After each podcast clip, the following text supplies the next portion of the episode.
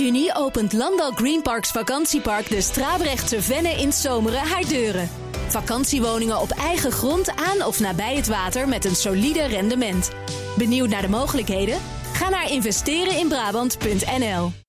Dit is een podcast van BNR Nieuwsradio. Hartelijk welkom bij de Technoloog. Zijn we aan aflevering 25, Ben? 25, een kwart. Jubileum. Ja. Uh, met Ben van den Burg, uh, die u net hoorde, en met Herbert Blankenstein, dat ben ik. En we gaan het vandaag hebben over drones. Het is van alles aan de hand rondom drones. Het is eigenlijk altijd zo. Het is een uh, niet aflatende stroomnieuws over drones. Het laatste nieuws is dat een Nederlandse opleiding een keuzevak over drones is gaan instellen. En ook heel leuk en interessant om nu te bespreken is het feit dat DJI, de grootste dronefabrikant ter wereld, zijn gebruikers wil registreren of anders. En dat of anders, dat houdt in dat uh, als je je niet registreert, dan kan je drone maar een paar heel beperkte dingen. Dus dat is echt een redelijk radicale maatregel. Interessant om over te gaan hebben zo direct met Parsival Hofland. Hi. Een van Nederlands grootste drone-deskundigen en oprichter van de Dutch Drone Academy. Dank je, dank je. Jij leert mensen van alles over drones, nietwaar? Ja, klopt. Ik heb een, een school in Den Haag en uh, we geven op vier locaties opleidingen. We hebben tot nu toe zo'n 150 mensen opgeleid voor het vliegen met drones onder de 4 kilo. Dat is een vergunning, ja. die is nog niet zo oud. Uh, daar zijn we vol opgesprongen. Uh, we leiden mediamarkt uh, personeelsleden elk kwartaal op over hoe veilig om te gaan met drones in de winkelomgeving. Dat is best een issue. Wacht even, binnen in de winkel? Ja. Of, oh ja? Ze, ja, ja, ze vliegen de, met drones in de winkel daar? Dat gebeurt ook, maar je, je, krijgt ook drones terug die gerepareerd moeten worden. En je weet niet of die accu buiten op de grond is gevallen. En of die tien minuten later dus eventueel nog kan ontvlammen. Nou, het zijn allemaal zaken waarmee in de winkelomgeving... en als goed werkgever ben je natuurlijk verantwoordelijk voor een veilige winkelomgeving. Ja, ja, Arbotechnisch komt daar veel om de hoek. Dus dat is, uh, dat is een uitdaging uh, die, uh, die we denk ik met goed gevolg hebben ingevuld. En dat was ook een beetje onze eerste echte opleiding. Daarvoor hebben we ruim 1400 hobbyisten uh, met workshops uh, klaargestoomd om met een drone van zwaarder dan een kilo uh, te gaan hobbyen. en het is allemaal eigenlijk ontstaan vanuit een professioneel vliegbedrijf, wat ik in 2012 heb opgezet. Waarin we echt hele gave dingen doen, zoals concertregistraties met drones van Pink Floyd in de ruïnes van Pompeii oh. in Italië s'nachts. Tot en met binnenvliegen, U2, Ziggo Dome, BBC, RTL.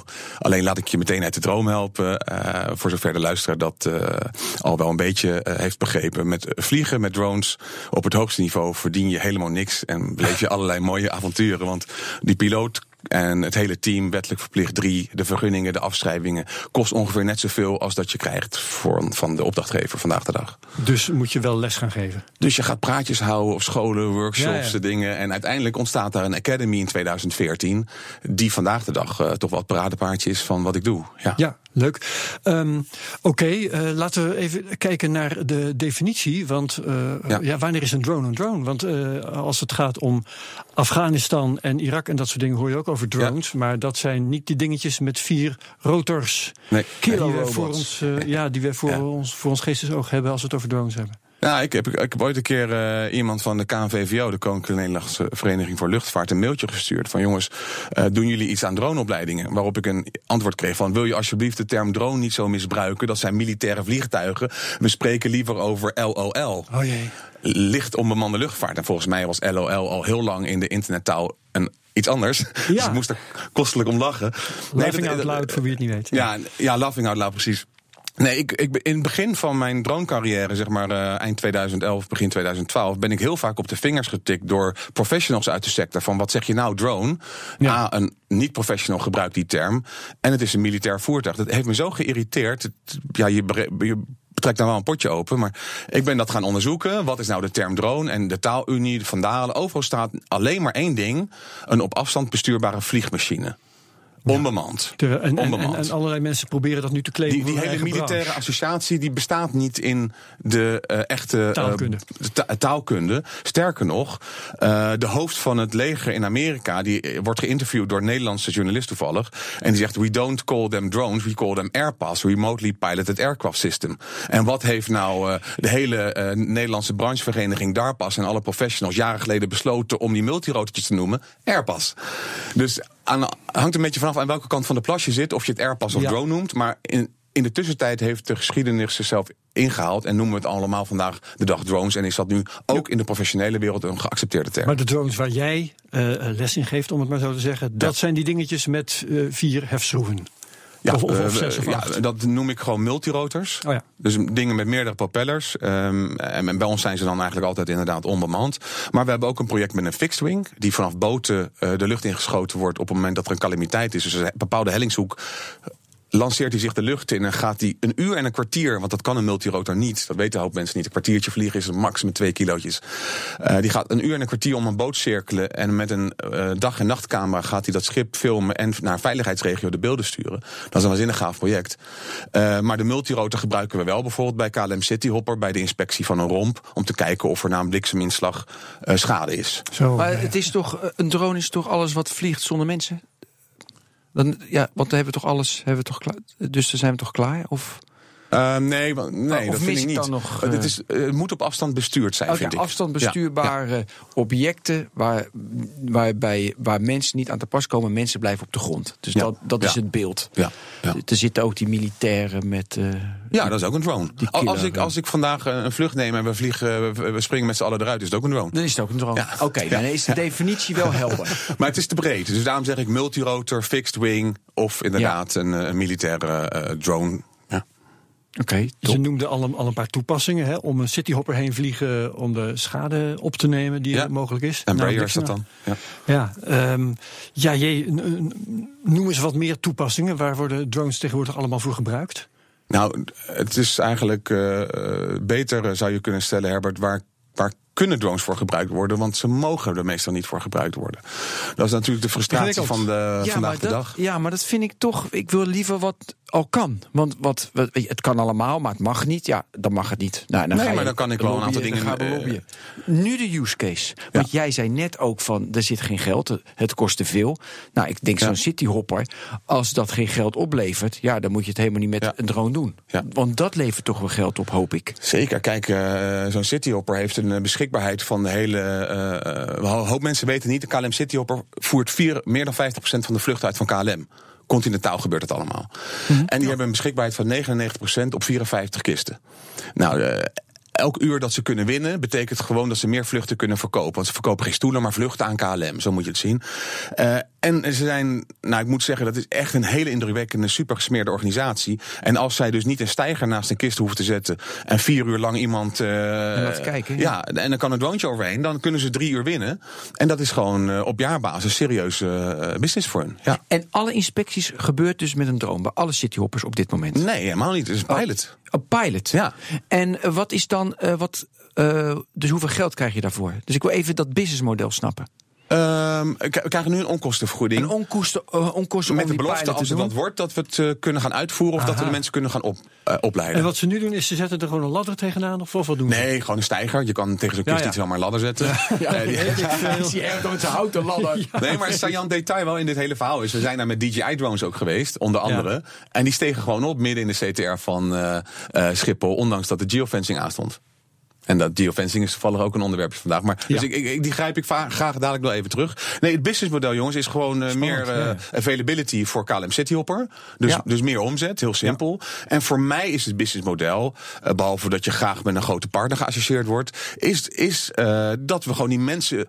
er is ook een bedrijf die zegt: wij doen het voor jou. Die doen het met KLM. De competitie eigenlijk. Uh, dus die zeggen, wij gaan ook inspecties doen. Dat doen ze al, ook in een pilotproject. Mm -hmm, en die zeggen, ja. uh, als het wat wordt, dan kan je ons inhuren om dat steeds te doen. Wij zeggen, niet doen, zelf doen. Dus wij gaan jouw mensen opleiden. En we gaan oh, ja. eerst uitzoeken welk systeem we hier het beste voor kunnen gebruiken. Ja. Eerst kijken we welke sensor, welke camera, hoe kunnen we die beelden het beste uh, vervolgens gaan we kijken welk systeem. Want we willen dat mm -hmm. autonoom laten doen. Op een knop drukken en dat ding. Dat ja, vliegt, precies. Dat hij zelf zoekt ja. uh, met artificial intelligence oh, ja. en een camera weet hij waar hij moet kijken. Ja, maar eerst moeten we het materiaal gaan beoordelen. Wat we gaan, dus we gaan met allerlei verschillende sensoren daar aanstaande vrijdag om uh, half twaalf s avonds gaan we over een romp vliegen. dus we zitten oh, echt, okay. echt, aan de vooravond van een hele interessante en, pilot. En de belofte, als ik dat nog even goed mag begrijpen, dat is um, inspectie met een drone zou dan sneller kunnen en daardoor kan die eh, kist, weer sneller door. in de vaart. Ja, wat er gebeurt is, er is een blikseminslag in een schip, dat, eh, of een, in een vliegtuig, dat gaat ro- rondom die romp. Dat veroorzaakt allemaal deukjes en dingetjes. Ja. Eh, en dan is het afhankelijk van het operation manual, maar meestal is, is de regel dan dat je binnen 200 vluchten een inspectie moet laten uitvoeren. En dat is ook opgelegd vanuit de producent van het vliegtuig. En aan de hand van het rapport wat uit die inspectie komt, is er een vervolgstap. Ja, en je businessmodel is dan dat je mensen opleidt. Dus dat is Ja. Bij KLM en dat is het enige. Ik doe dit met een partner, Custom Drone. Ja. Die levert drones. Eh, en wij hebben de afspraak, jij levert de drone, wij leveren de opleiding. Dat, dat 1 2 gaat al heel vaak goed, want zij verkopen veel drones aan agrariërs en wij doen dan een stukje opleiding. Ehm, en, en, en in dit geval is het zo dat zij de systemen kunnen leveren. Wij doen een training en vervolgens gaan we per kwartaal kijken hoe en wat. En als er een keer iemand ziek is, kunnen, kunnen ze op afroep natuurlijk even iemand van ons eh, eh, inschakelen. Maar Ja. dat is de bedoeling. En in Frankfurt hebben ze ook zo'n onderhoudsstation bijvoorbeeld. Dus op twee plekken op dit moment in Europa speelt dat. Het gaaf is dat met de drones waar wij dit nu mee doen, eh, ook weer dat, van dat merk dan DJI in dit geval, ehm, ehm, zit er een mogelijkheid om, om via de app Periscope live mee te kijken als je in een ander land bent. Dus die technische fan die kan gewoon meekijken met een inspectie live, kosteloos. Dat kost een paar jaar geleden nog duizenden euro's aan hardware. En dat, dat vind ik dan wel erg geinig. Maar precies, dus je doet er echt periscope in, een mobiele telefoon, je zet periscope Nou, aan. dat, eh, dat- heel nee, maar niks is een simpel antwoord eh, met drones. dus, dus al- als het door de veiligheidsbeoordeling komt van KLM Cityhopper, dat er dus eh, eh, mensen eh, eh, die niet een account hebben van die inspectie, misschien is het wel heel makkelijk op in te breken. Willen ze dat niet? Ja, is dus het kan, maar of, het, of, of, Ja. het, of dat hem wordt, weet ik niet. Ja, maar een andere toepassing, dan kunnen we naar dat landbouw. Het is eigenlijk precies hetzelfde. Ja? Je, kan in een, je hebt een heel groot veld en dan kan je zien... daar is de crop is wel goed, daar niet. Daar moeten we Ja. beregenen en daar niet. En boeren, doen, landbouwers, doen dat al. Of niet? Mm, nou, ik, ik hoor het zeggen, maar ik heb er nog nooit in ontmoet. En laat ik eerlijk zijn, ik, ik, ik, ik denk dat de Nederlandse landbouwer, landbouw veel te klein is voor een drone. Doen ze dat niet meer met satellieten eigenlijk? Nou, Ja, kijk, ook ja, in. Amerika, in Texas heb ik gezien. Dat is echt met allemaal foto's van satellieten. Maar dat zijn natuurlijk echt grote landbouwers. Ja. Maar deze use case die je overal leest, die gebeurt in Nederland nog niet. ik heb het niet, niet Oké, voorbij zien noem dan een use case. Want ik wil even dat businessmodel naar de use case. Een use Ja. case in Nederland die echt gewoon nu gangbaar is. Want ik wil er vanaf dat je zegt van ik verdien er geen geld mee. Ik verdien, ik verdien- ik verdien geld met, met cursussen. Denk ik, ja, wat is dat nou voor handel met de drones? Nou, wat doe je daar nou, eh, laat Dunk het over? Opleiden is, onwijs, is veel leuker dan vliegen eigenlijk. Het is echt gaaf Nee, om mensen... Leuk, gaaf, mooi. Maar Ja. kijk, uiteindelijk wil je, want wij hebben het gevoel hier bij de technoloog... dat drones een nieuwe revolutie, evolutie gaat Ja, dat- veroorzaken. dat- maar dat gaat ook heel veel dingen effectief... Ja, oké. Maar Ben, even voor de duidelijkheid, ik nuanceer gewoon een vraag van Herbert, zodat, ik, zodat hij een beter antwoord krijgt. En jij zit me daar de hele tijd op aan te vallen. maar ik help gewoon het gesprek even te kan- kanaliseren. We kunnen ook zeggen, eh, wat zijn de eh, businessmodellen die wel kunnen en niet kunnen. Prima, nou prima. Ik draai er niet omheen. Ja, nee, dat vind ik juist mooi dat je dat niet doet. verduidelijken. Ja. Nou, eh, wa- wat, wat wel kan, is gewoon dat je een ROC Light vergunning haalt. Dat kost eh, zeg maar 13, 1400 euro bij elkaar. Moet je allerlei dingen doen. Misschien nu niet interessant om maar heel erg uitgebreid te vertellen wat je dan allemaal moet doen. Maar elke boerenpummel kan dat halen. Je hoeft geen eens te kunnen vliegen. En je mag je op commercieel dronepiloot noemen. En dan kan je eh, eh, gaan eh, commercieel werken met een drone. In Nederland is het verboden als je niet recreatief of sportief vliegt, ben je vergunningsplichtig. Dus zelfs studenten in een opleiding moeten vergunning hebben. Nou, wat kan je dan gaan doen? Eh, dan mag je niet hoger vliegen dan 50 meter. Je mag niet verder dan 100 meter van je vandaan. En het belangrijkste is, Ben, en dat is super beperkend. Je kan en mag niet binnen 50 meter van mensen en bebouwing vliegen. Dus de bebouwde kom, forget it. Dus dat- dus, dat- de- dat dus nee, maar ik, ik, ik, ik werk even toe naar Ja. wat kan wel. De makelaar in het buitengebied. Die denkt, top, wereld. Ja, maar alleen, die heeft handel. daar wou ik inderdaad net naartoe, want Ja. die makelaar hoor je altijd maar weer. Maar dat kan dus alleen in het buitengebied. Het kan niet in de bebouwde ja. kom. Ja, ja. Toevallig hebben twee mensen die bij me werken vandaag, die voeren een klus uit voor Dura van Meer. Een nieuw kantoor ergens in Groningen. Godzijdank staat het in the middle of nowhere. Kunnen we lekker mooie dronebeelden van maken. Was er een snelweg langs geweest? Voorbij. Ja, ah, ah, Ja, 50 meter afstand of 150 meter afstand van de snelweg, afhankelijk met onder welke vergunning je vliegt. ja. En wordt dat nu, want, ja, je, want je ziet het inderdaad, die huizen. Maar ik heb altijd van, over, over, overbuurman heeft het ook gedaan met zijn huis. En toen dacht ik van, ja, weet je, verkoop je dat? Dat is natuurlijk heel moeilijk, dat kan je niet, is het nu, Moeilijk meten, ja. maar het Ja, is niet ja. meetbaar. Nou ja, kijk, wat ik zie is, is een makelaar in Eindhoven. Die verkoopt eh, het ex-woonhuis van meneer Philips voor 55 miljoen of Dat zo. was Wat een persbericht, ja. Ja, er was een, Dat zag echt een mooi Hollywood uit. filmpje Ja, gemaakt. hoor, ja. Maar ook met drones. Maar ja, dan moet je 55 miljoen hebben of zo. nou ja, voor dat soort excessieve dingen is het natuurlijk wel gaaf. Wat kost het maken van zo'n filmpje dan eigenlijk? Dat heeft 85.000 euro gekost. Ja, dat, is, dat slaat het. Nee, maar dat- Nee, dan kun je ook een huis ja. verkopen. Ja, ja. Nee, maar kijk, eh, kijk wat, wat komt er bij mij binnenlopen? Eh, misschien is dat een goede indicator. Ja. 150 mensen, waarvan ehm 15% makelaar. 40% f- eh, fotograaf en de rest is allemaal klein videoproductiebedrijfje. En ik weet al dat die mensen denken, Voorheen had niemand wat. Ik heb nu een ROC Light vergunning. Ehm, en ik hoef geen eens een praktijkvliegtoets te doen. Mijn drone wordt geen eens gezien. Dan kan ik die sticker opplakken en dan is het goed. Dan is het een professionele drone. Ik kom aan de deur, ik bel aan. Ik zeg, kijk eens, ik heb een vergunning. Ik ben professioneel dronepiloot. Ik heb nog nooit gevlogen met een drone. En die, dro- die drone is gewoon, eh, is gewoon eh, PR die sucks. Eh, maar ik heb wel een vergunning. Zo, dat, dat is dus vandaag de realiteit in Nederland. En dan gaat die eh, ingehuurd worden. En dan mogelijk veroorzaakt die een ongeluk. Dat hoop je dan van niet. Maar ik denk dat de meeste professionele mensen. nee, dat is niet, ik zeg het verkeerd. De meeste mensen die zich drone professional noemen. Dus in de lage vergunning, ROC Light heet dat. Dus in de lage vergunning. Die denken: ik heb al iets op zak. Ja. En ik hoef dat niet zo nauw te nemen, want ik heb al mijn best gedaan. Ja. En daar ben ik een beetje huiverig voor. Maar Ja. dat grote businessmodel waar, waar jij maar in vooral Ben op doelt. Kijk, dat businessmodel gaat er wel komen. Alleen, er is één ding wat je niet moet vergeten. Als jij in een vliegtuig stapt, dan is elk flapje en alles wat er gebeurt... is drievoudig uitgevuurd. Dat, eh, dat noem je redundancy. Dus eh, je hebt een elektronisch systeem, een hydraulisch systeem, et cetera, et cetera. Zelfs mechanisch testen onderhouden. Ja, ja, ja. Uit en ten. Nou, in die drone, dan zie je één accu zitten.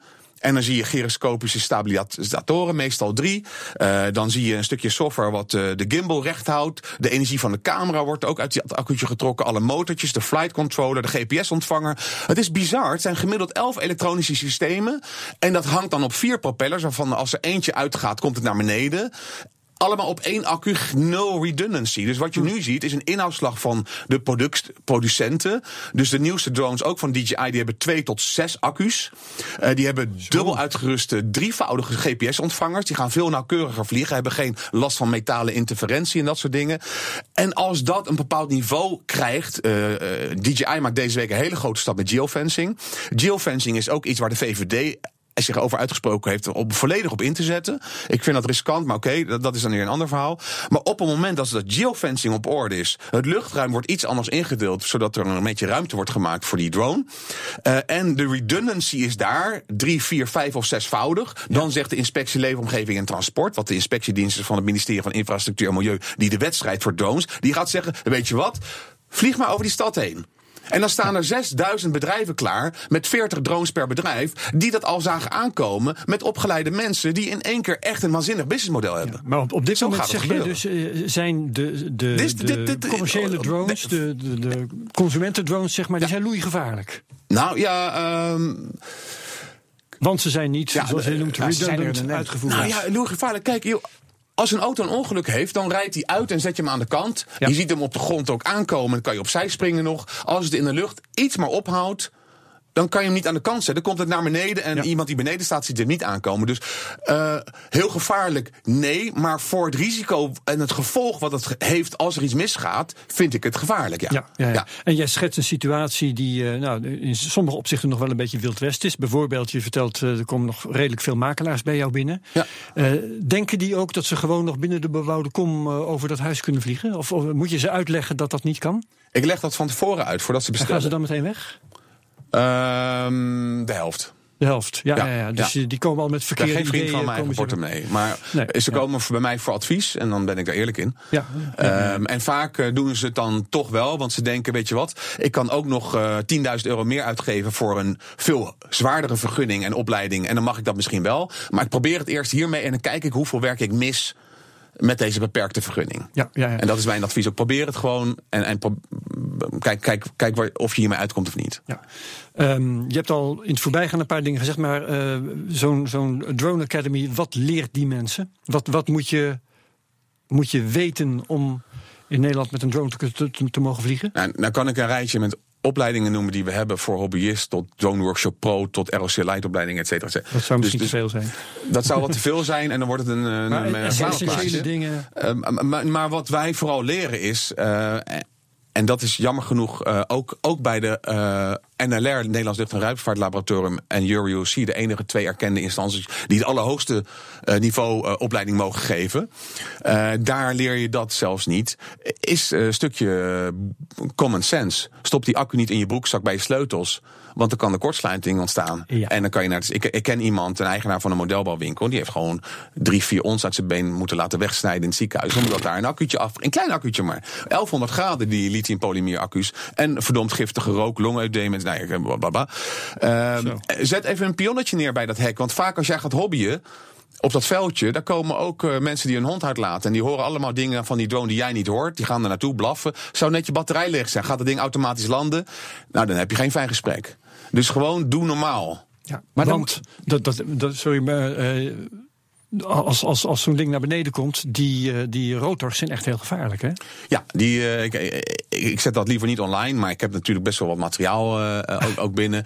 En dat, dat, dat zijn van foto's van mensen die zeg maar 18, 20 uh, diagonale snedes over een hele gezicht hebben. Van boven naar beneden. Tot en met uh, gewoon mensen met beschermde prop guards. Dat is zeg maar zo'n bescherming rondom de propeller. Maar die is ook levensgevaarlijk, want als je vinger erin komt, kan die nergens naartoe. dan slaat die propeller gelijk daarop vast. dus daar wil je ook niet mee vliegen. Plus een beetje turbulentie als er wat veel wind is. Maar ook gewoon mensen met de DJI Phantom, zeg maar. Dat is toch de, de Opel Cadet van de, van de dronewereld. Meest populair, ja. Ja, ja. En, en, dat komt tegen iemands arm aan. En, en je ziet gewoon in de slow motion dat dat dwars door dat vlees tot aan het bot zo gaat.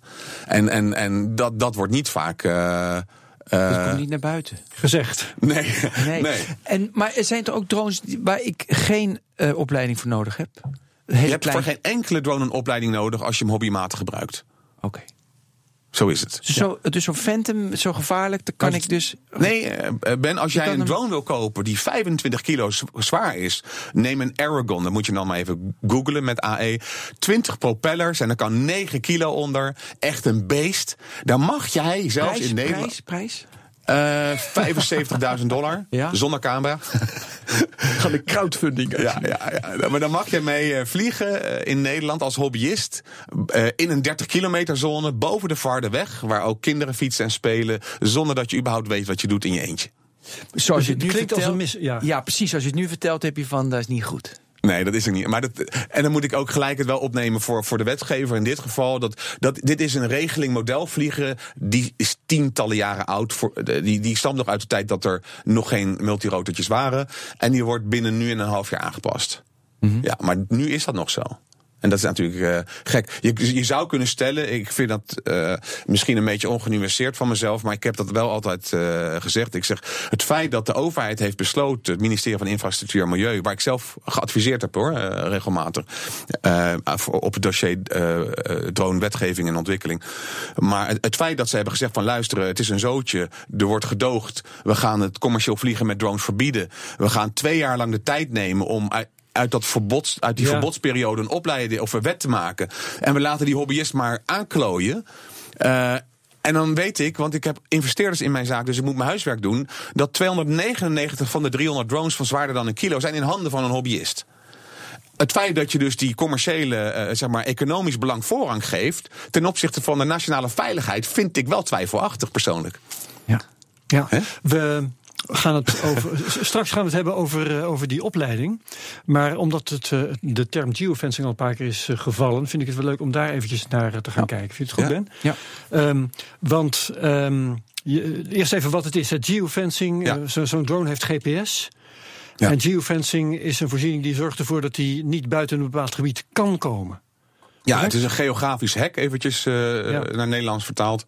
En die weet gewoon uh, op basis van die GPS-coördinaten, precies zoals je zegt, Herbert. Die, die weet gewoon van, nou, uh, voorbij dat nummertje mag ik niet vliegen. En die stopt dan. En jij zei net, jullie waren bezig in een hangar om te vliegen rondom zo'n cityhopper. Ja. En dat hoorde eigenlijk niet te kunnen. Nee, dat ding zou niet mogen opstijgen. En toen zei, uh, zeiden we, ja, misschien, omdat we in die hangar staan, misschien kan hij zijn satellieten niet. Terwijl dat, we zagen natuurlijk wel dat hij de satellieten vond. Dus toen hebben we buiten, midden in de CTR, naast de landingsbaan, allemaal, allemaal zo.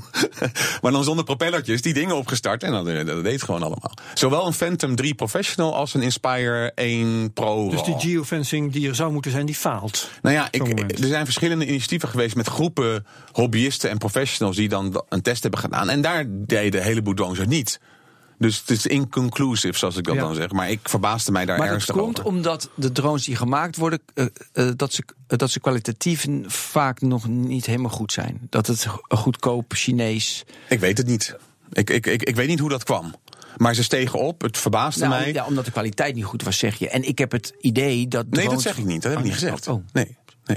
Oh, ik, oh dan, dan, ja, dus was dat mijn conclusie. Ja. Maar is de kwaliteit van een drone, is dat eh, weet je, goed genoeg? Weet je, Nee, je, hebt, je hebt wel gelijk. Ik heb het alleen nog niet gezegd.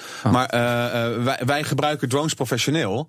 Ook van DJI. En die bouwen we dan zelf. En die laten we dan keuren. Dus zo'n keuring kost 2300 euro. En dan krijg je een IDCA, een Individual Design and Construction Assessment. Komt iemand twee uur naar kijken die er verstand van heeft.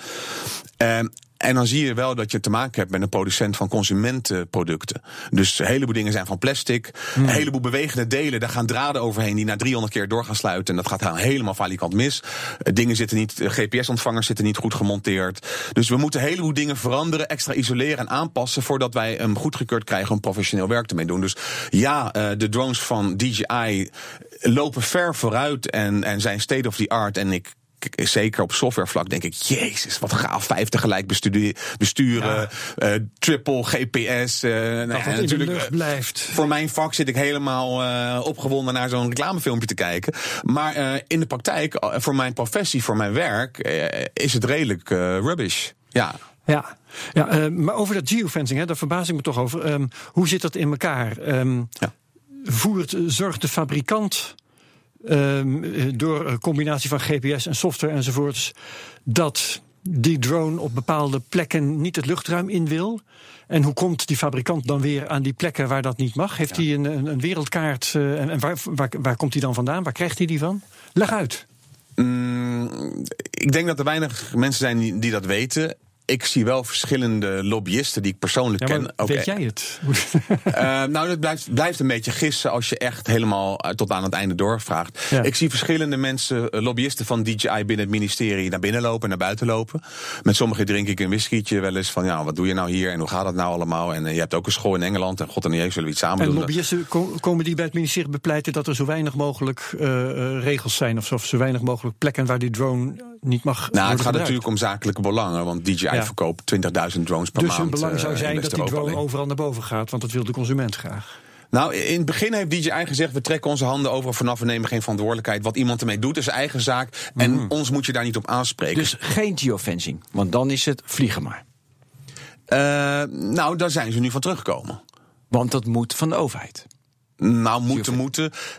Ongelukken zijn niet in het belang van DJI, want het is slechte publiciteit. Nee, maar DJI is wel een enorm eh, eh, arrogante organisatie. Ook sterker nog, ik, ik heb, wij hebben ooit een. eh, daar- een Chinees bedrijf, hè, trouwens, niet in Ja, combinatie met ja. maar even voor de opgericht door. Frank Wang in 2006. Ja. Eh, anderhalf miljard omzet, serieuze club.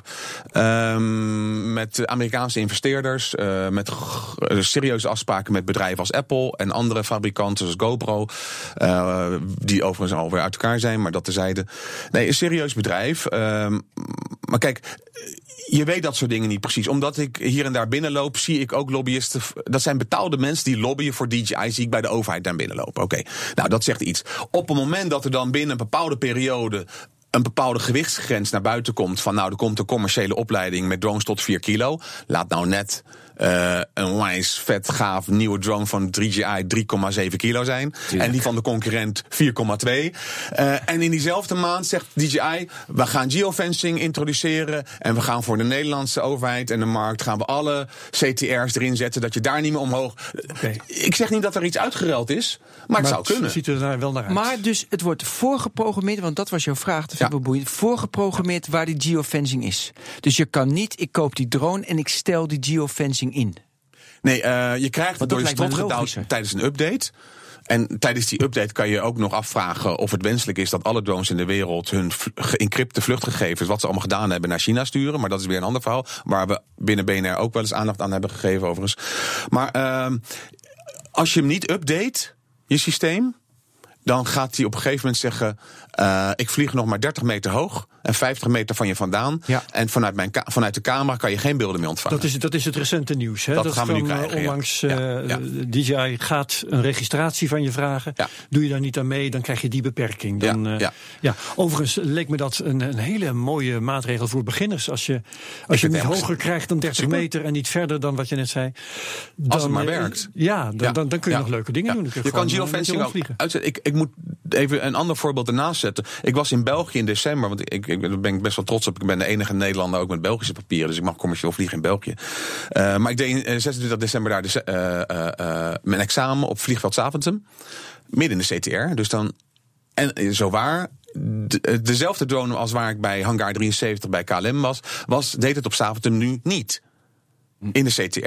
En dan ga je op je laptopje en dan ga je naar dji.com en dan is een bepaald adres. En dan zeg je: Dit is mijn serienummer, dit ben ik. Ja. Eh, en ik ga nu hier, eh, eh, wil ik even vliegen. Wil je de geofencing voor 48 uur uitzetten? Ik neem volle verantwoordelijkheid, enter. 10 seconden later steeg hij gewoon op. Nee. Ja. Perfect. Nee, maar de- ik vind zo hoort het toch? Ja. Goed. Ja, dat vind ik Ja, goed. Dat vind maar ik- dat werkte dus. Ik was, Precies. ik- ik- Ja. Anders was mijn examen naar de. Hè? maar dan was ik eh, super opgelucht. door. Maar als het werkt, vind ik het goed. Ik vind het een goed systeem, geofencing. Ja. Nou, maar, het, roept wel de vraag op wie bepaalt dat. Hè? Want dan word je, Ja. zoals jij precies zegt, door de strot gedouwd. En eh, dan wil je ook inderdaad dat het goed gaat. En dan wil je ook zelf graag weten als gebruiker... eh, wie is nou eigenlijk de baas over mijn drone? Nou ja, eh, veel mensen kopen hem toch met de illusie dat je, oké, je hebt een apparaat en eh, dan eh, zit je, je zit aan de knoppen. En Ja. je kunt hem laten vliegen waar je wil. Maar dat is dus niet zo. Nee, dat, dat, dat, dat gaat natuurlijk uitgefaseerd worden. Zowel met autorijden als die pizza-autootjes in Amsterdam... die zonder bestuurder autonoom rondrijden. Ook die drones gaan allemaal autonoom dingen doen. We hebben toen, Ja. ben heel lang geleden een uitzending gehad... over een brandweerwagen die uit aankwam rijden met honderd kleine droontjes die gewoon water in de buurt zoeken uit een vijvertje en Ja. een soort grote En wat is er slinger daarvan dan. geworden? Wat is er zeker niks geworden, hè? Dat, dat idee, of wel? Nee, nee. Nee. Nee, en waarom? Omdat die droontjes ook eh, vrij snel verbranden op het Ja. moment dat ze in de buurt van vuur komen. Ja, want, ja, maar dat was natuurlijk 15 jaar geleden. Maar 15 jaar. Nee, dat was kort geleden. Maar goed, ik vind het wel ja. grappig dat het heel lang geleden is. Toen was het ook. Dat vond ik ook een hele mooie use case. Eh, molens eh, van Eneco, die ook inspectie, net zoals dat Windmolens. vliegtuig. Ja, Ja. precies, windmolens, Ja, ja, ja. inspectie. Wordt het nog veel gebruikt? Is dat nog een use case? Want je zei het voornamelijk hobby Nou, en ik, film. ik ben en heel video. blij dat je daarover begint. Want ik denk, het is misschien een beetje het cliché voorbeeld. Ik zag, zat laatst bij eh, een nieuwe branchevereniging in Rotterdam. En daar zitten echt ervaren mensen. Het bedrijf heet Skyvision, mag je denk ik wel zeggen. Ik maak er geen reclame voor, maar een van de allereerste spelers in de markt. Eh, we zaten daar voor de opnames voor eh, een tv-programma over drones. En ik heb met die eigenaar van dat bedrijf een gesprek. En hij zegt van, word je ook zo moe van die broodjes aap? Van, eh, word je ook zo moe van die windmolenverhalen? Ja. Hij zegt ja, want op alle sites van professionele operators Staan staat een die foto van een windmolen. Ik zeg van, Ja, en landbouwen. ja, maar ik zeg dus tegen hem van, eh, waarom denk jij, eh, waarom vind jij het een onzinverhaal? Waarop, want mijn eh, reden is eh, dat je met een thermische camera, waarbij je dus een haarscheurtje kan zien, omdat dat haarscheurtje meer warmte opneemt, kan, die, die drone is niet stabiel en kan niet dichtbij genoeg om die thermische camera dat werk te laten doen. En met een videocamera zie je dat haarscheurtje niet. Ja. Dus het is bullshit. Hij zegt van nee, er is nog een veel belangrijke reden waarom het niet kan. Ehm, veel mensen vergissen zich over de breedte van zo'n blad. Dat is wel 20, 30 meter breed. Als je daar in die grijze massa met je droontje bezig bent, dan weet je helemaal niet waar je bent. Dus Ja. je kan het helemaal niet meer terugvinden. Maar hoe komt dat dan dat het broodje aapverhaal het altijd die voorbeelden dan weer Omdat ik ben ooit begonnen in 2011 met mijn bedrijf, eh, dat heette toen nog Air Footage BV. En ik was nog in opleiding en het ging allemaal. En ik ga op internet zoeken, want ik denk, ik moet wat dronefoto's op een site hebben. Want we gaan met drones vliegen. En toen heb jij windmolen En dan zet je een windmolen erop en dit en dat en dat. En dan op een gegeven moment word je wijzer en dan verwijder je dat. Maar dan hoop mensen, er, staan, er zijn ook een heleboel websites. Er staat allemaal onzin van boven je eigen grond mag je vliegen. En wij zijn gecertificeerd dit. Eh, heel veel onzin. Eh. Ja, want ik kreeg ook een voorbeeld van. eh er moesten bij het spoor, er moesten dan eh, inspectie dat het spoor dat die zeg maar goed is. En dan wordt er als oplossing verzonnen. We gaan met een drone langs dat spoor gaan we vliegen. Ja. Nemen allemaal opnames nemen we ervan. En dan stoppen we die beelden stoppen we in zeg maar stoppen we in machine learning. En dan zien we precies van dat stukje spoor. Weet je, daar zit daar zit iets niet goed in, want we hebben geleerd die met machine learning wat wel en niet goed is. Toen ik, zei ik weet niet wat, wat is machine learning? Ah, machine learning is dat je zeg maar beelden leert wat goede beelden zijn en wat niet goede beelden Ja. zijn. En dan als je dan een hele rits met Ja. beelden hebt, dan kan je natuurlijk zo eruit halen van die beelden zijn niet goed en die beelden Ja. wel. Nou, qua- qua oplossing denk ik mooi.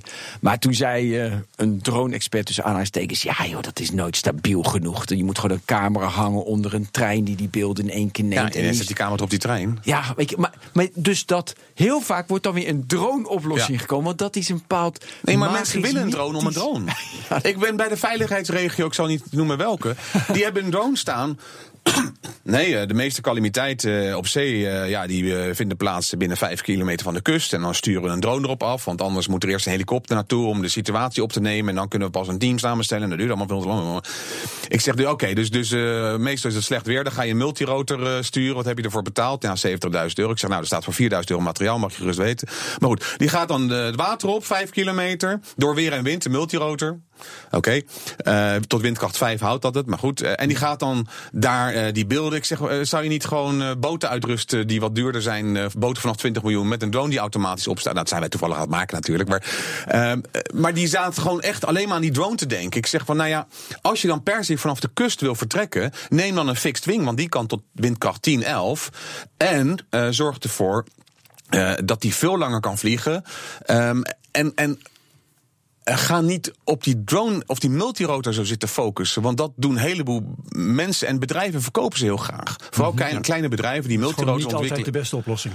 Nee, ik ben benaderd door. eh, Vluchttijd is waarschijnlijk een van de problemen. 15 minuten met 2 kilo. ik, heb ja, wel eens, ik heb eens hele mooie slides, zit in mijn laptop. Kan je nu niet zien, want het is een podcast. Maar eh, daar is een vergelijking tussen een DHL-busje. En er staat op eh, range 680 kilometer, kost 20.000 euro. Onderhoud één keer in de 20.000 kilometer. Rijbewijs B, rijdt altijd. en dan staat er rechts eh eh, microdrone. Weet je, ze hebben zo'n Hollywood-achtige film gemaakt... dat ze een pakketje van 2 kilometer naar het Duitse eiland juist hebben. Maar echt met Hollywood, hè, met eh, First Step in Mankind. Weet je, helemaal zo. Ja. Nou, het is totale bullshit, want die Ja, heb kost het filmpje 50.000 euro. Ja.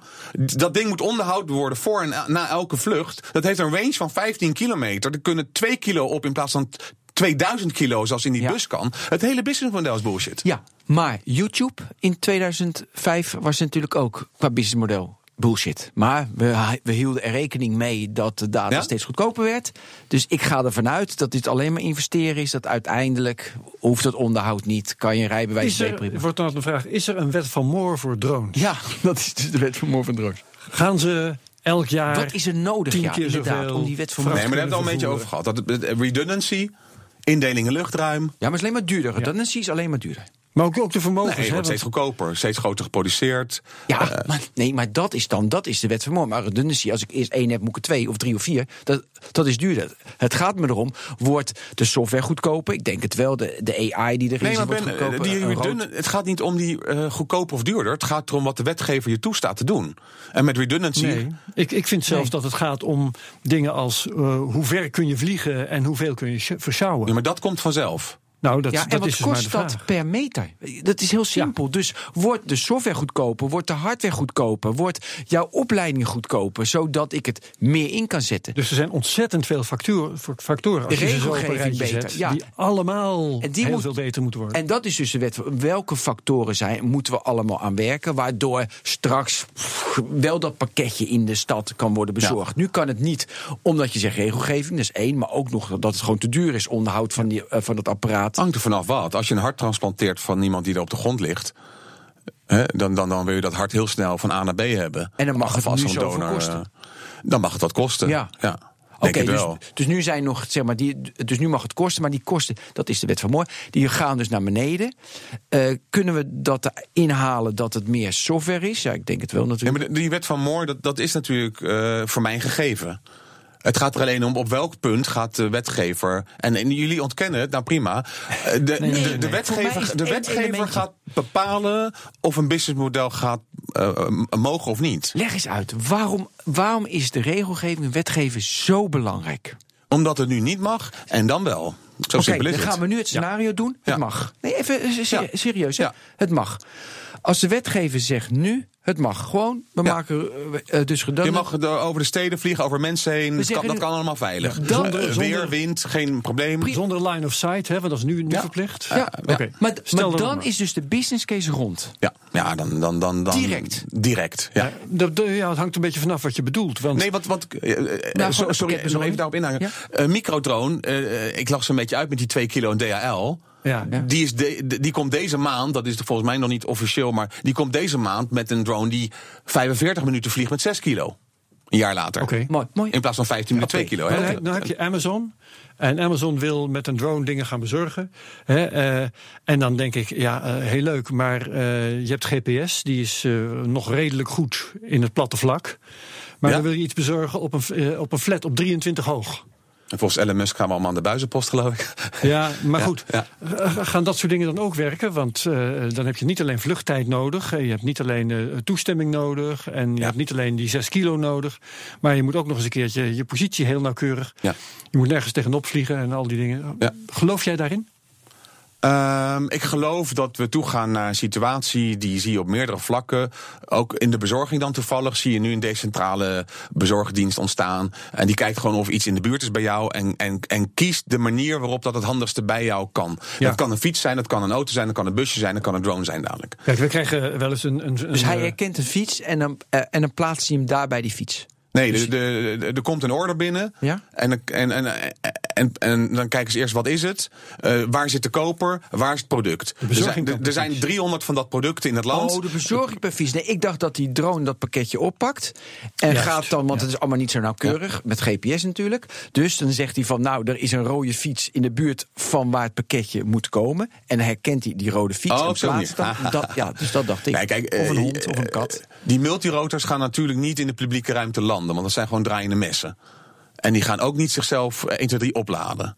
Dus je krijgt een enorme business case eh, voor bedrijven op daken, daken van bedrijven, Ja, ja, eh, in de randstedelijke. je maar dan komt het dus niet op je balkon, maar dan komt het weer op een of ander van de punt waar je het weer moet gaan halen. Ja, je zal een punten gaan krijgen in de stad. Want dat is het handige van een busje met een, met een meneer erin. Ja. Die meneer die belt bij ons aan. En als we niet thuis zijn, dan gaat hij naar de buren en dat soort dingen. Nou ja, je, hebt natuurlijk praktisch. ook eh, best wel een aantal drones al die gewoon in een kist zitten. met met gaas. Of een ro- ronddraaiende bal. Hè. Eh, die doen dan inspecties. En daar kan je je niet aan verwonden. Ja. Want die, is- en, en, daar liggen natuurlijk ook wel wat oplossingen. Mag ik heel nog even terug naar de regelgeving? Want daar ben ik Ja. nog niet tevreden over. Jij zegt als de regelgeving het toestaat, dan gaat, komt die hele markt wel los. Die regelgeving houdt het tegen. Ja, want we, we- we- we bespreken nu echt maar een, heel, een fractietje van, hebben hoor. Maar een uur hoor, maar goed. Ja. Eh, Oké, maar wat moet dan in die regelgeving? Dat is dus dat het redundant. Dat, daar moeten ze dus dat dat moet. Ja? Maar ja, dat- oké, er komen drones redundant. Dat is niet regelgeving, maar re- voor. Nee, maar die regelgeving is, die zegt nu, je mag niet boven de bebouwde kom, bijvoorbeeld. Je mag niet over aan ingesloten bebouwing vliegen, staat in de wet. Nou, op het moment dat die eh, drone zes propellers heeft, dus daar kan er drie verliezen, Ja. en hij heeft er drie voudige Dan gegeven. zal de regelgeving dat zeggen van. Joh, Op een gegeven moment wel. zeggen ze van, het mag wel. Het kan veilig. En waarom bouwt iemand niet direct zo'n drone dat dat soort barrières te niet eh, gelijk van tafel kunnen? Ehm, Als je weet dat nou, dat de die- worden wel gebouwd. Omdat Nou, ja. men, iedereen wil veilig vliegen. Ja, daarom. Dus, dus, eh, wij hebben ook een quadcopter, zoals je dat noemt met vier propellers, en een hexacopter. Ehm, en die quad hebben we dan omdat het een interessant model is voor ons. En, en wij, wij, nemen dat risico vliegen, want eh, wij vliegen dan niet boven mensen. Eh, en dat komt eigenlijk nog nooit, is dat naar beneden gekomen. Ehm, maar het is duurder. maar, maar het wordt wel gebouwd. Alleen wie, voor wie? Want je weet toch dat als je iemand dat bouwt, dat niet de wet daardoor verandert. Er moet een industrie zijn die zegt: Oké, ik investeer in typegoedkeuring. Zoals in de auto-industrie zit ik nu te wachten om een auto te bestellen. omdat het model van Volkswagen bijvoorbeeld nog geen typegoedkeuring heeft. Nou, die typegoedkeuring die bestaat helemaal niet in droneland. In droneland wordt elke drone individueel goedgekeurd. omdat het heel veel maatwerk is. Vooral in de professionele wereld. En daar ga je al een probleem krijgen. Want ik heb natuurlijk met droneproducenten gesproken. en die zeggen: Ja, ik kan deze goed laten keuren. maar als ik er één schroefje aan verander. omdat die klant dat schroefje links of rechts. dan moet ik weer een nieuwe type goedkeuring vragen. En daar begin ik niet aan. want Zo'n type goedkeuring kost tienduizenden euro's.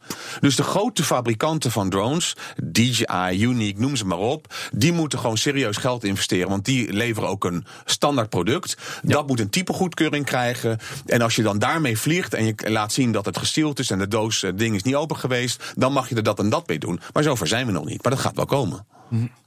En dan worden die dingen niet per, per, per zoveel gebouwd. Want dat zijn de natuurlijk wat duurdere systemen. Maar ik denk als je zo'n uh, zo'n zo'n microcopter, ik noem maar eh, liefst zoveel mogelijk merken door elkaar heen. Want anders wordt het zo'n uh, eenzijdig verhaal. Maar zo'n microcopter van 50.000, als je er daar 5.000 van maakt, dan kost hij niet 50.000, maar dan kost hij nog maar 5.000. Tuurlijk. Dus, dus, dus, en, en, maar als de overheid in eerste instantie zegt van als je het zo doet, dan gaat hier het licht op groen. Voor dat en dat, dan is het morgen gedaan. Dat weet ik zeker. Okay, we, we dus gaan naar een samenleving dus toe. taak- We gaan naar een samenleving toe waar we continu drones over ons hoofd gaan zien vliegen binnen vijf jaar.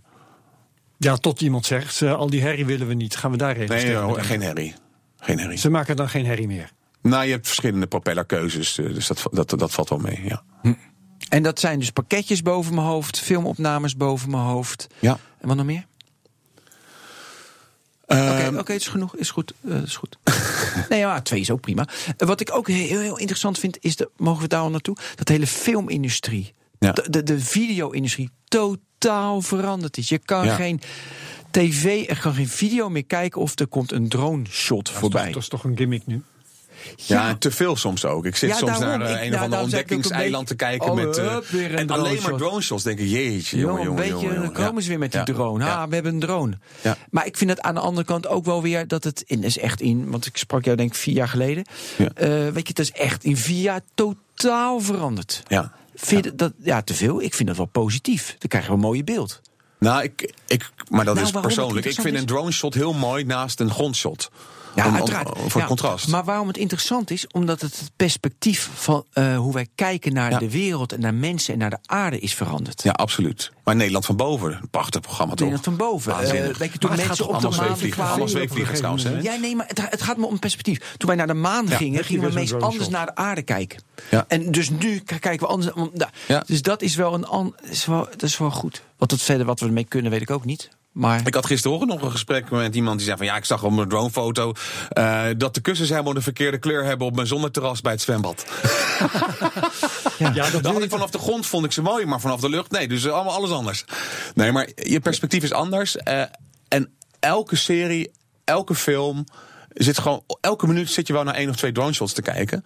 Ehm, en, en precies de betekenis ervan, eh, geen idee, maar het, eh, het gaat Ja, heel ze erg. zijn niet Laat ik zo zo- zeggen, het gaat alles daarvoor dateren. ja. Ben, wat ik je dan kan aanraden, dat is om eens een keer te proberen eh, eh, zelf met zo'n. eh, vlieg je zelf wel eens met een ik heb drone? met een eigenlijk? drone gevlogen. Ja. Heb je ook zo'n ding met zo'n videobril erbij? Die heb ik nog niet gedaan. Oké, dat heet Tiny Whoops, hè, Percival. Even Ja. voor de. eh, dat zijn hele kleine dronetjes, passen op je hand. Ja. Die hebben een camera aan boord. En die zijn aangesloten op een videobril die je op je kop zet. En dan vlieg je dus zelf in die drone. Je zit met je ogen in die drone. En dat eh, geeft een totaal ander Maar idee. virtual reality bril heb je op. Ja, een soort, een Nee. soort nou, het is Nee, niet nee, 3D, nee, nee. Het maar is niet virtueel, Het is een het videobril. Het is een videobril. Dus je ontvangt videosignaal van de camera op de drone. Ja. En je stuurt. Dus je- zit gewoon alsof je in een stoeltje in de drone zit.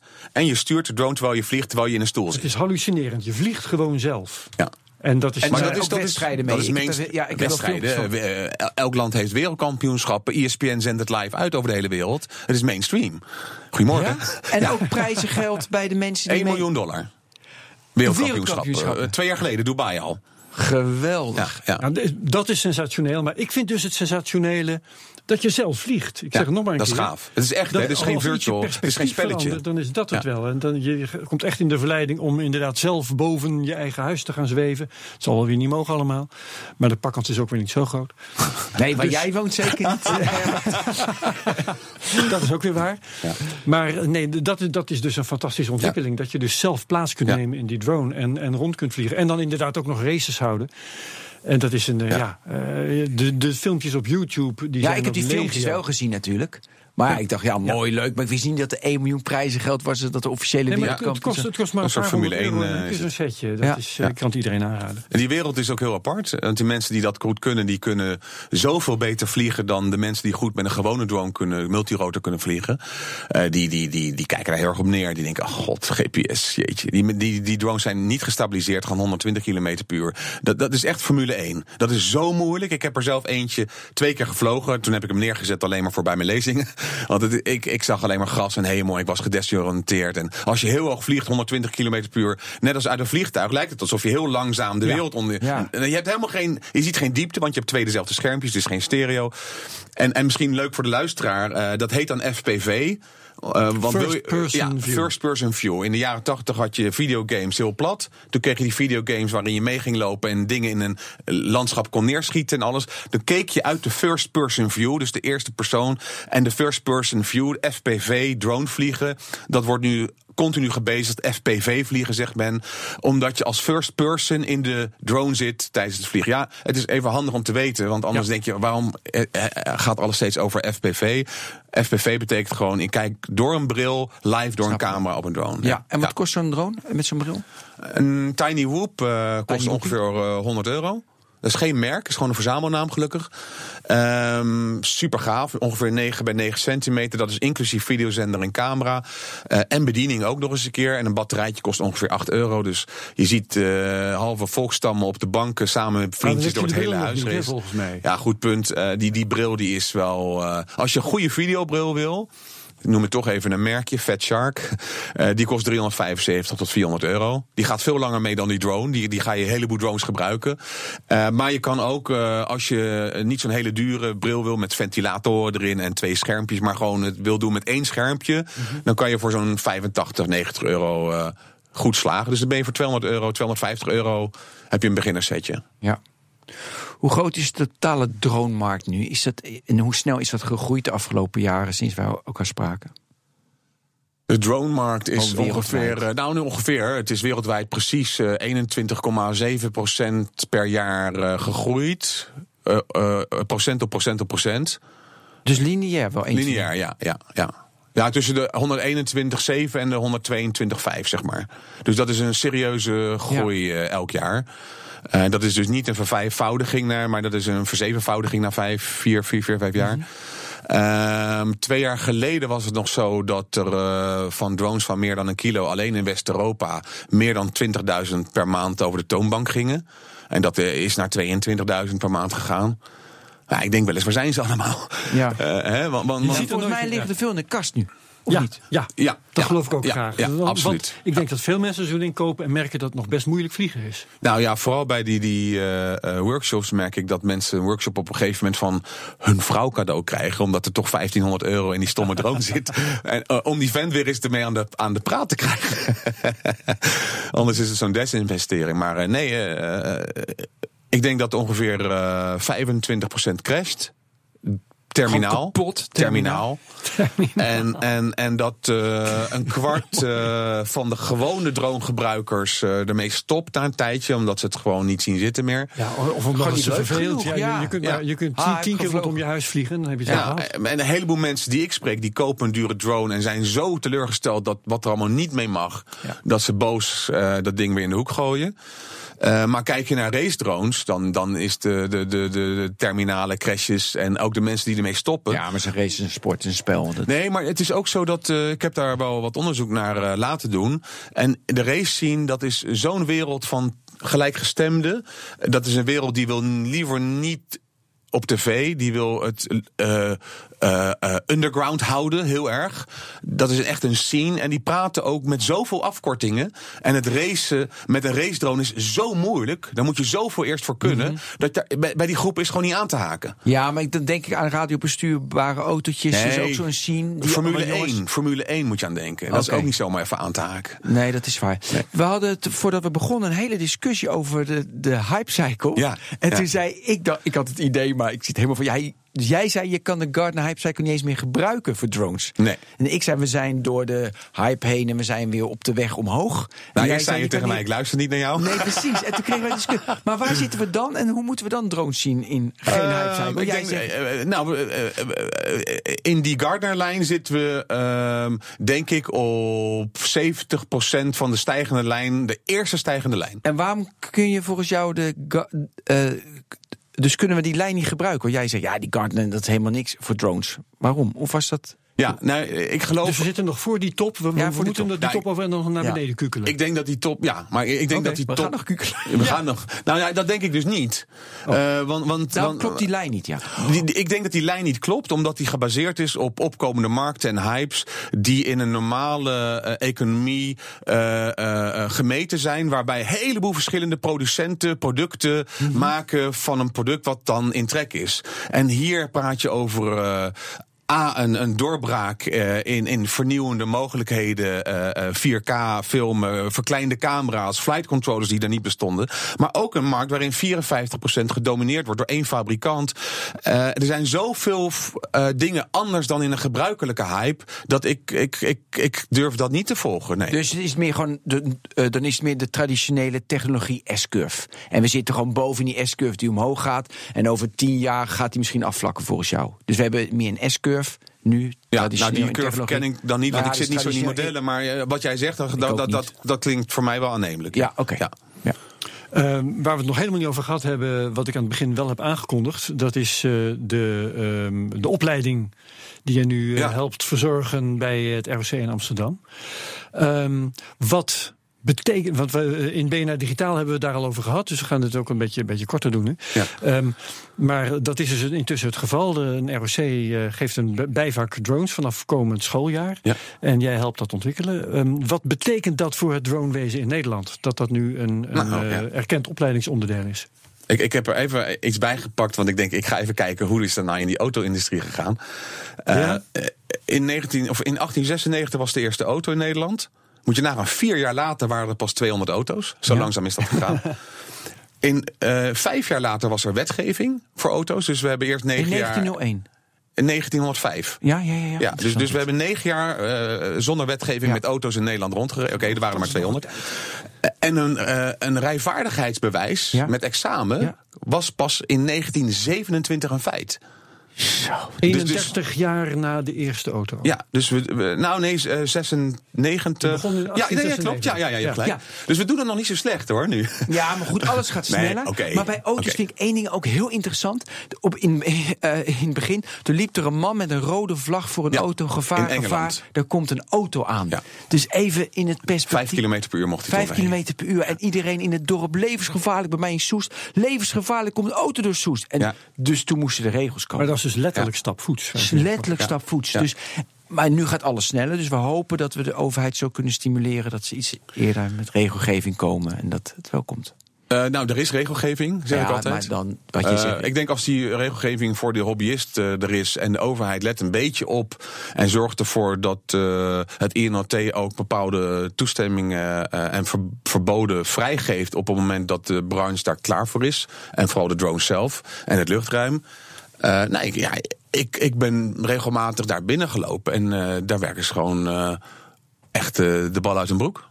Er wordt echt keihard gewerkt om die Ja. drone-wetgeving op orde te krijgen. Ik vond de, de nuances en, en de prioriteiten een beetje verkeerd. Ik, zou, Ik wou ik, net zeggen, ik wat- had die hobbyist eerder geregeld dan de professional. Wat moet er nog gebeuren? In, in jouw ogen, niet speciaal vanuit het belang van, van jouw bedrijf, maar wat, wat, wat is nu belangrijk voor de samenleving, voor mijn part, dat er verandert aan de regelgeving omtrent drones?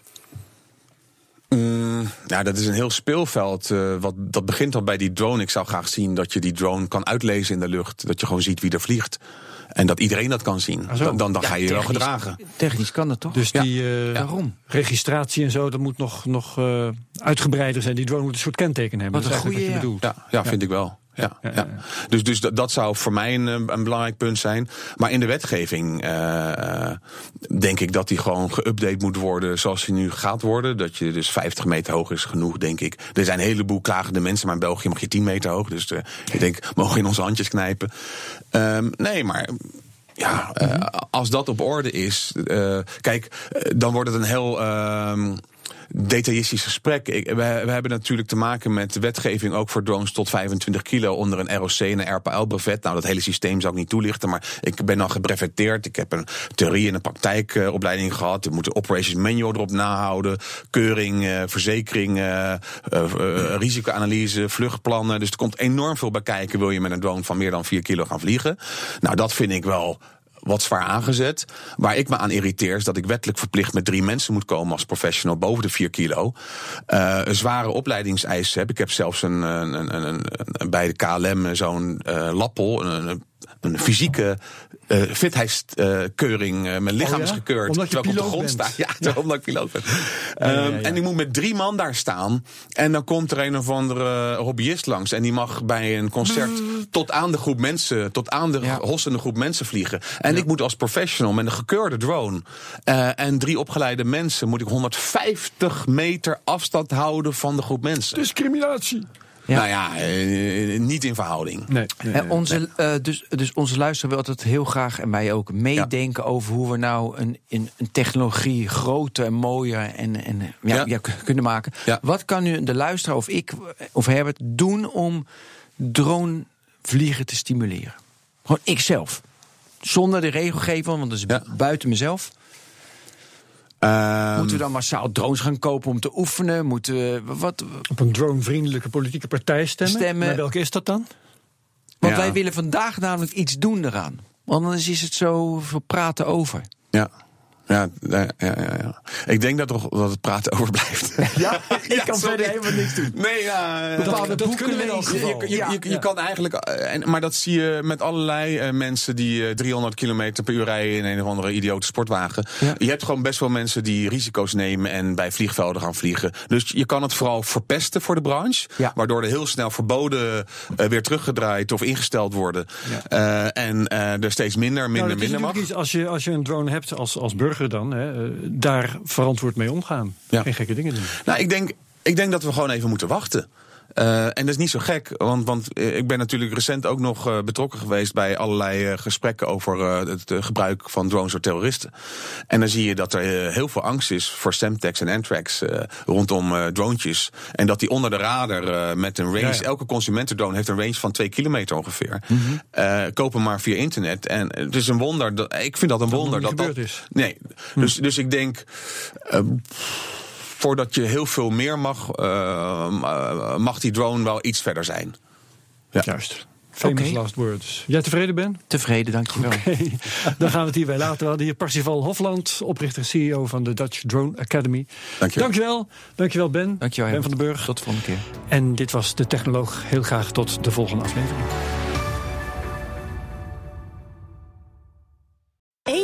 Opent Landal Greenparks Vakantiepark de Strabrechtse Venne in Zomeren haar deuren.